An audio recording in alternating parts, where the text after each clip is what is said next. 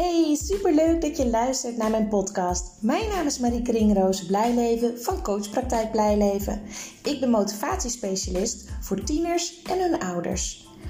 In deze podcast geef ik informatie, inspiratie, tips en tools voor meer positiviteit in de puberteit.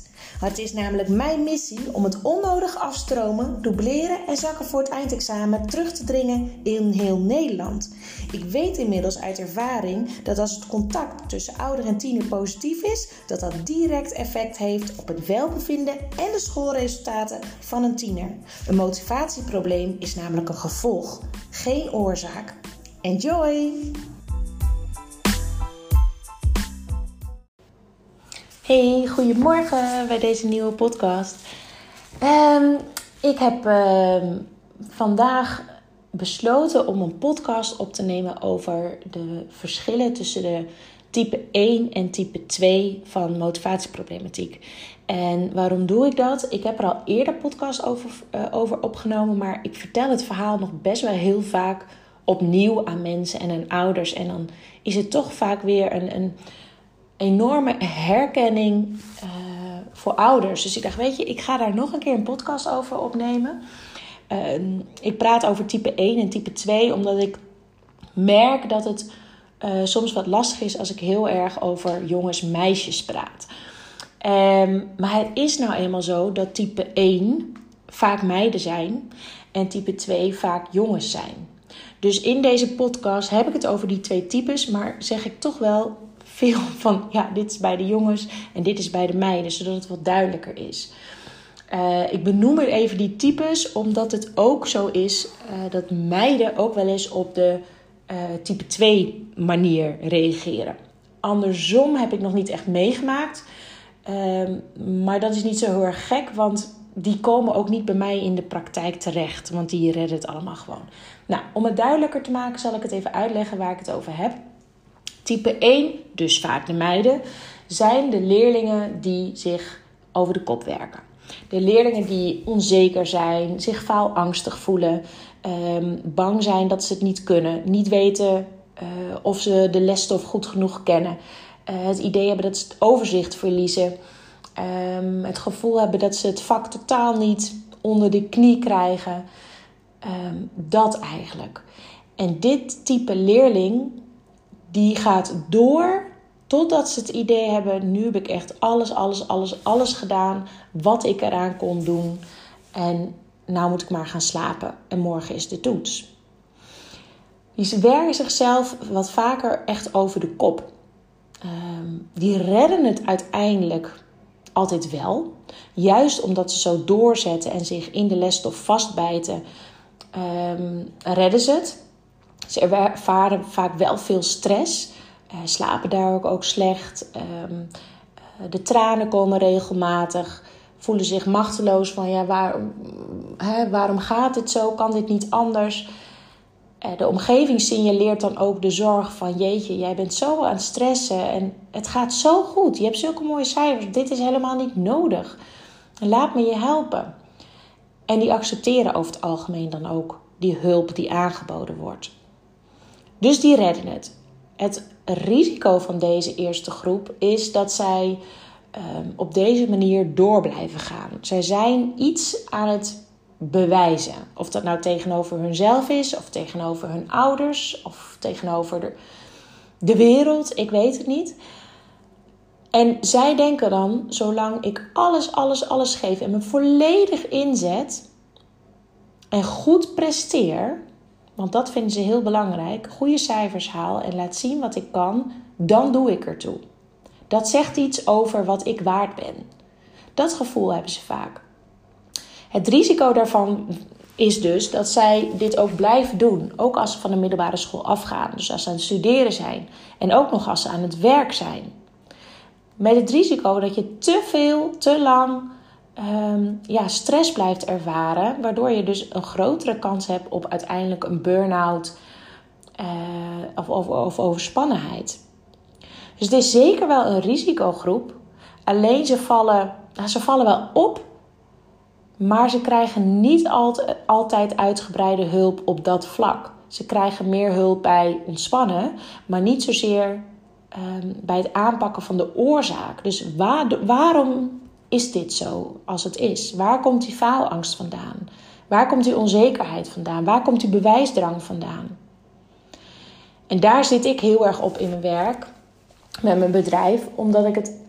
Ik ben ervan overtuigd dat als jij iets begeleidt, iemand begeleidt en alleen maar kijkt naar de gevolgen, hè, dus naar de stress en dergelijke, en je kijkt niet wat de echt diepliggende oorzaak is ervan, dan is het probleem op korte termijn misschien even verholpen, maar dan komt hij terug. En zo spreek ik ook wel eens ouders en die zeggen: Jeetje, had ik jou maar eerder ontmoet. Mijn kinderen zijn al in de twintig, maar ik herken je hele verhaal. En dat gaat dan meestal over de type 2 leerling. En de type 2 leerlingen zijn meestal de jongens. En jongens hebben ook die onzekerheid, ook de angst om te falen. Um, weten ook niet hoe ze de lesstof moeten aanpakken, overzien het niet meer, zijn het overzicht kwijt.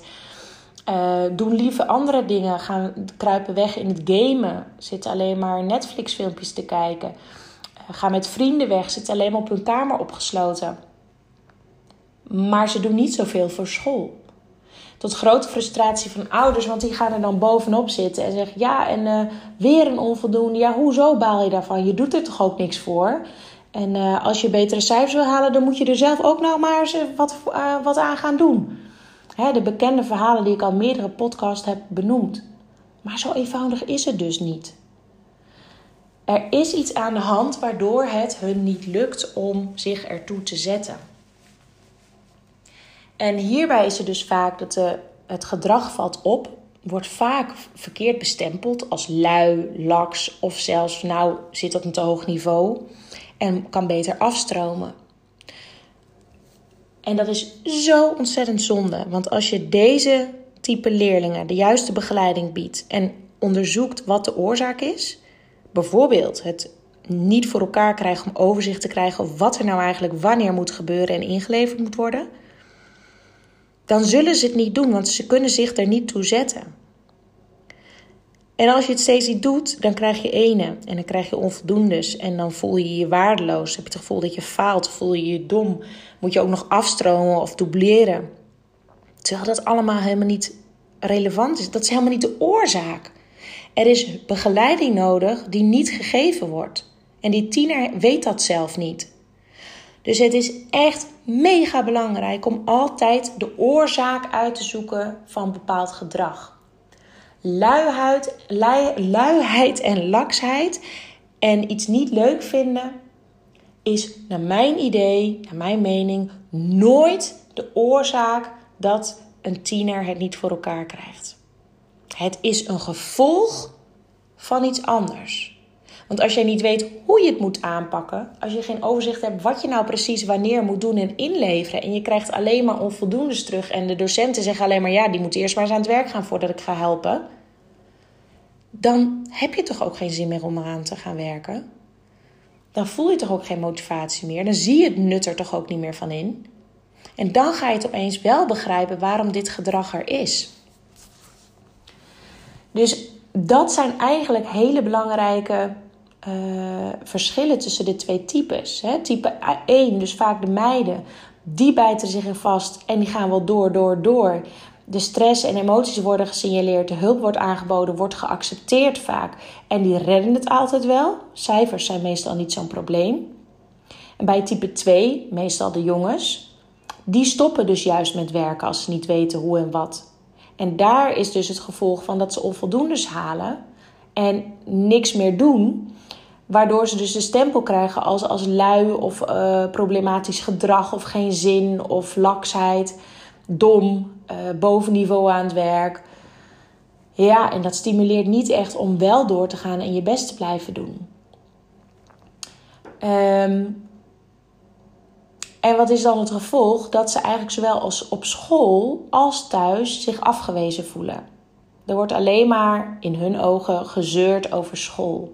Een rustig moment aan tafel is niet meer gezellig. Nee, er wordt gezeurd over school. En ik heb het in de afgelopen podcast vaker gezegd: deze tieners weten echt wel dat ze onvoldoende staan. Die weten echt wel dat het zo niet lukt. maar ze weten niet hoe het hun wel kan gaan lukken. En daar hebben ze juist de begeleiding bij nodig. Dus dat zijn eigenlijk de belangrijkste verschillen. En daardoor is het grootste percentage van zittenblijvers, afstromers en zakkers, dat zijn dus echt de jongens. En het is dus meer dan alleen maar dat het onderwijssysteem wellicht beter bij meisjes past dan bij jongens, hè, wat je vaak hoort. Het is ook gewoon een bepaalde manier van kunnen organiseren. Het overzicht houden, het aanpakken. En dat is iets wat ze de rest van hun leven nodig hebben. Dus als je ze laat afstromen of dubleren, help je ze uiteindelijk niet. In de meeste gevallen help je ze niet. Dat is mijn kijk in ieder geval erop. Want ze hebben dan nog steeds niet die vaardigheden geleerd die ze nodig hebben om het uiteindelijk wel voor elkaar te krijgen. Dus een motivatieworkshop is altijd waardevol. Altijd. Het geeft namelijk inzicht voor de tiener en voor de ouders waar het motivatieprobleem vandaan komt, waardoor iets niet lukt. En als ze weten waardoor het hun niet lukt, gaan ze zichzelf begrijpen. En krijgen ze ook veel meer motivatie uh, en moed om er iets mee te gaan doen, om het anders te gaan aanpakken. Ze krijgen weer het gevoel dat ze de touwtjes in handen krijgen, dat ze weer grip op de situatie krijgen. En dat zorgt voor motivatie. En als je ook niet weet wat je na de middelbare school wil gaan doen, werkt dat ook niet mee. Want waarvoor doe je het allemaal? Rennen naar een eindstreep waarvan je niet weet of het daarachter een gat is of dat het gewoon nog uh, een, een mooie rechte weg is. Dan ga je niet rennen naar de eindstreep, dan ga je rustiger aan doen. Dus dat zijn de twee typen jongeren. Die dus heel verschillende reacties krijgen van de omgeving. De een krijgt wel hulp, de ander wordt meer afgewezen. En, wat ik nog niet benoemd heb, maar wat zeker een belangrijke is... de jongens die hulp aangeboden krijgen, willen geen hulp. Die willen heel vaak geen hulp. Die vinden dat ze het zelf moeten kunnen. En datzelfde geldt voor heel veel vaders. Het zijn eigenlijk altijd de moeders die contact met mij opnemen. Of het is een alleenstaande vader, dan bellen vaders ook nog wel eens. Maar het zijn meestal de moeders die de hulp inroepen. Dat is iets maatschappelijks, iets van de samenleving. Dat mannen en jongens het zelf moeten kunnen. Dat ze zelfstandig moeten zijn. Datzelfde is trouwens bij het VWO bovenbouw. Er wordt ontzettend vaak door docenten gezegd dat VWO-leerlingen bovenbouw echt meer verantwoordelijkheid kunnen en moeten pakken dan dat ze soms doen. Ik ben van mening dat het helemaal niet gaat over MAVO, HAVO of VWO. Sterker nog, ook op het VWO is het puberbrein nog helemaal niet uitontwikkeld. Die hebben helemaal nog niet uh, het gevoel van die, die, dat grote gevoel van verantwoordelijkheid. Ja, ze zijn iets ouder vaak, de VWO'ers, dan de HAVO en de MAVO-leerlingen. Niet altijd, maar vaak wel. Waardoor ze iets meer verantwoordelijkheid misschien zullen pakken en zelfinzicht hebben dan als ze wat jonger zijn. Maar die druk voelen de VWO'ers ook vaak. Dit wordt van mij verwacht, maar het lukt me niet. Waarom lukt me dat niet? Ik ben dom. Ik ben misschien helemaal geen VWO'er. Het gaat er altijd om om te kijken waardoor lukt iets niet. En wat heb je nou uh, nodig om jezelf te begrijpen en om het toch voor elkaar te krijgen. Dat is eigenlijk waar het altijd om gaat rondom motivatieproblematiek. En faalangst zit er structureel achter, zowel bij type 1 als bij type 2. En dan is het nog heel vaak zo dat als een meisje heel perfectionistisch is, of die jongen die alles loslaat en het niet voor elkaar krijgt, dat die te maken hebben met een emotioneel afwezige vader. Dat is heel vaak zo. En hoe komt dat? Van je vader krijg je je ambities mee en je grenzen. Als jij geen goed contact met je vader hebt, of misschien is hij zelfs helemaal uit beeld, dan betekent dat dat de grenzen van jezelf en van een ander moeilijker aan te geven zijn vaak. En dat jij je ambitie, die slaat vaak door in bewijsdrang. En bij de meiden is het dus dat ze dan heel perfectionistisch worden, hele hoge functies willen krijgen, hele hoge cijfers willen halen om haar te laten zien: ik ben slim, ik kan het, kijk mij, zie mij. Eigenlijk roepen ze dat naar de vader toe, naar, om erkenning te krijgen van vader. De jongens reageren weer net anders. Die gaan vaak, um, ja, die hebben meer moeite met de grenzen sowieso. En ze gaan vaak de verbondenheid wat meer bij vrienden zoeken op straat. Um, heel vaak zijn het namelijk wat hun vrienden zijn, hebben bepaaldezelfde achtergrond. Dus ook uh, jongens die opgroeien zonder emotioneel betrokken vader. En daar herkennen ze zichzelf ook in. En ja, dat zijn dan, dat zijn dan soort lotgenoten bewijzen van. Ze hebben het er niet eens altijd met elkaar over. Want vaak als ik het benoem bij jongens, zeggen ze: Oh, daar heb ik nog nooit bij nagedacht. Dat je dat nu zegt, dat, dat klopt inderdaad. Die hebben daar ook mee te maken. En die verbondenheid is eigenlijk ook weer het erbij willen horen, gezien worden. Um, ja, en, en, die, en die grenzen van waar ligt mijn grens qua bepaald gedrag is ook moeilijker vaak voor, voor deze jongens. Dus dat zijn eigenlijk de belangrijkste verschillen tussen type 1 en type 2. Ik hoop dat het een beetje duidelijk is. Um, ja, om nog even jullie natuurlijk wel een tip mee te geven hier, hierover. Um, het is al super waardevol om te delen dat dit zo'n invloed heeft. Um, de emotioneel afwezige vader heeft heel veel invloed. En sommige ouders zeggen ook van ja, hoe, hoe vertel je dat dan aan ouders? Nou, gewoon zoals het is. Je leert van je moeder, leer je contacten aangaan en uh, uh, relaties onderhouden, liefdesrelaties en dergelijke, en vertrouwen hebben in de wereld. En van je vader leer je grenzen herkennen en, en accepteren en ook aangeven. En uh, je ambitie. Dus doorgaan uh, met, met wat je wil bereiken en dergelijke. En als dus een van die twee wegvalt, dan heeft dat dus direct invloed op de tiener. Dus er zit ook voor mij uit helemaal geen oordeel richting een ouder, richting afwezige vader en dergelijke. Want het is eigenlijk altijd zo dat deze vaders zelf ook weer te maken hebben gehad met een emotioneel afwezige vader. Het is vaak een, een systemisch iets wat heel erg um, ja, op elkaar doorwerkt. En zodra je je bewust van wordt, kan je op elk willekeurig moment die knoop of die, die, die, uh, dat doorgeven van het systeem stoppen. Of je nou al volwassen bent of niet, het is altijd waardevol om te begrijpen waar komt dit vandaan en wat kan ik eraan doen om dit uh, te stoppen hier. Dat ik het niet doorgeef aan mijn kinderen weer. En dat kan dus door je vader of je moeder, of allebei, volledig te accepteren zoals ze zijn. Met al hun plussen en minnen. Je hebt de erkenning niet per se nodig om je goed te voelen. Die erkenning kan je jezelf geven. Je vader heeft ook gedaan tot nu toe wat hij in zich had, wat hij kon geven. En ook zijn gedrag komt ergens vandaan. Als je hier meer van wil weten, ik weet de podcastnummers niet helemaal uit mijn hoofd. Volgens mij is het de tweede podcast die ik heb gemaakt, waarin ik hier ook dieper op inga. Um, op de uh, impact van afwezige vaders.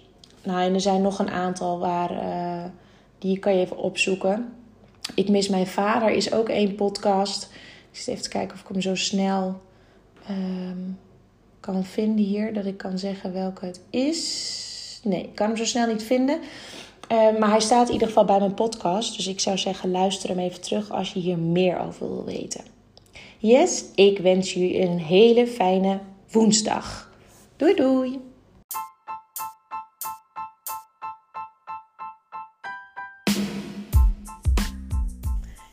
Dit was weer de aflevering van deze podcast.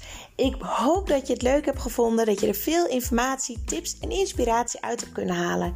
Ik ben ontzettend benieuwd wat jij van deze podcast vond en wat je eruit hebt gehaald. Want ik neem ze op, maar ik wil heel graag weten hoe het is voor jou als luisteraar om dit allemaal te horen. Wil je mij dat laten weten via een persoonlijk berichtje? Dan vind ik dat hartstikke leuk. Wil je andere ouders motiveren, stimuleren? En inspireren met deze podcast, deel het dan op social media. En wil je mij contacten? Dat kan via www.coachpraktijkblijleven.nl. En wie weet spreken we elkaar snel. Fijne dag!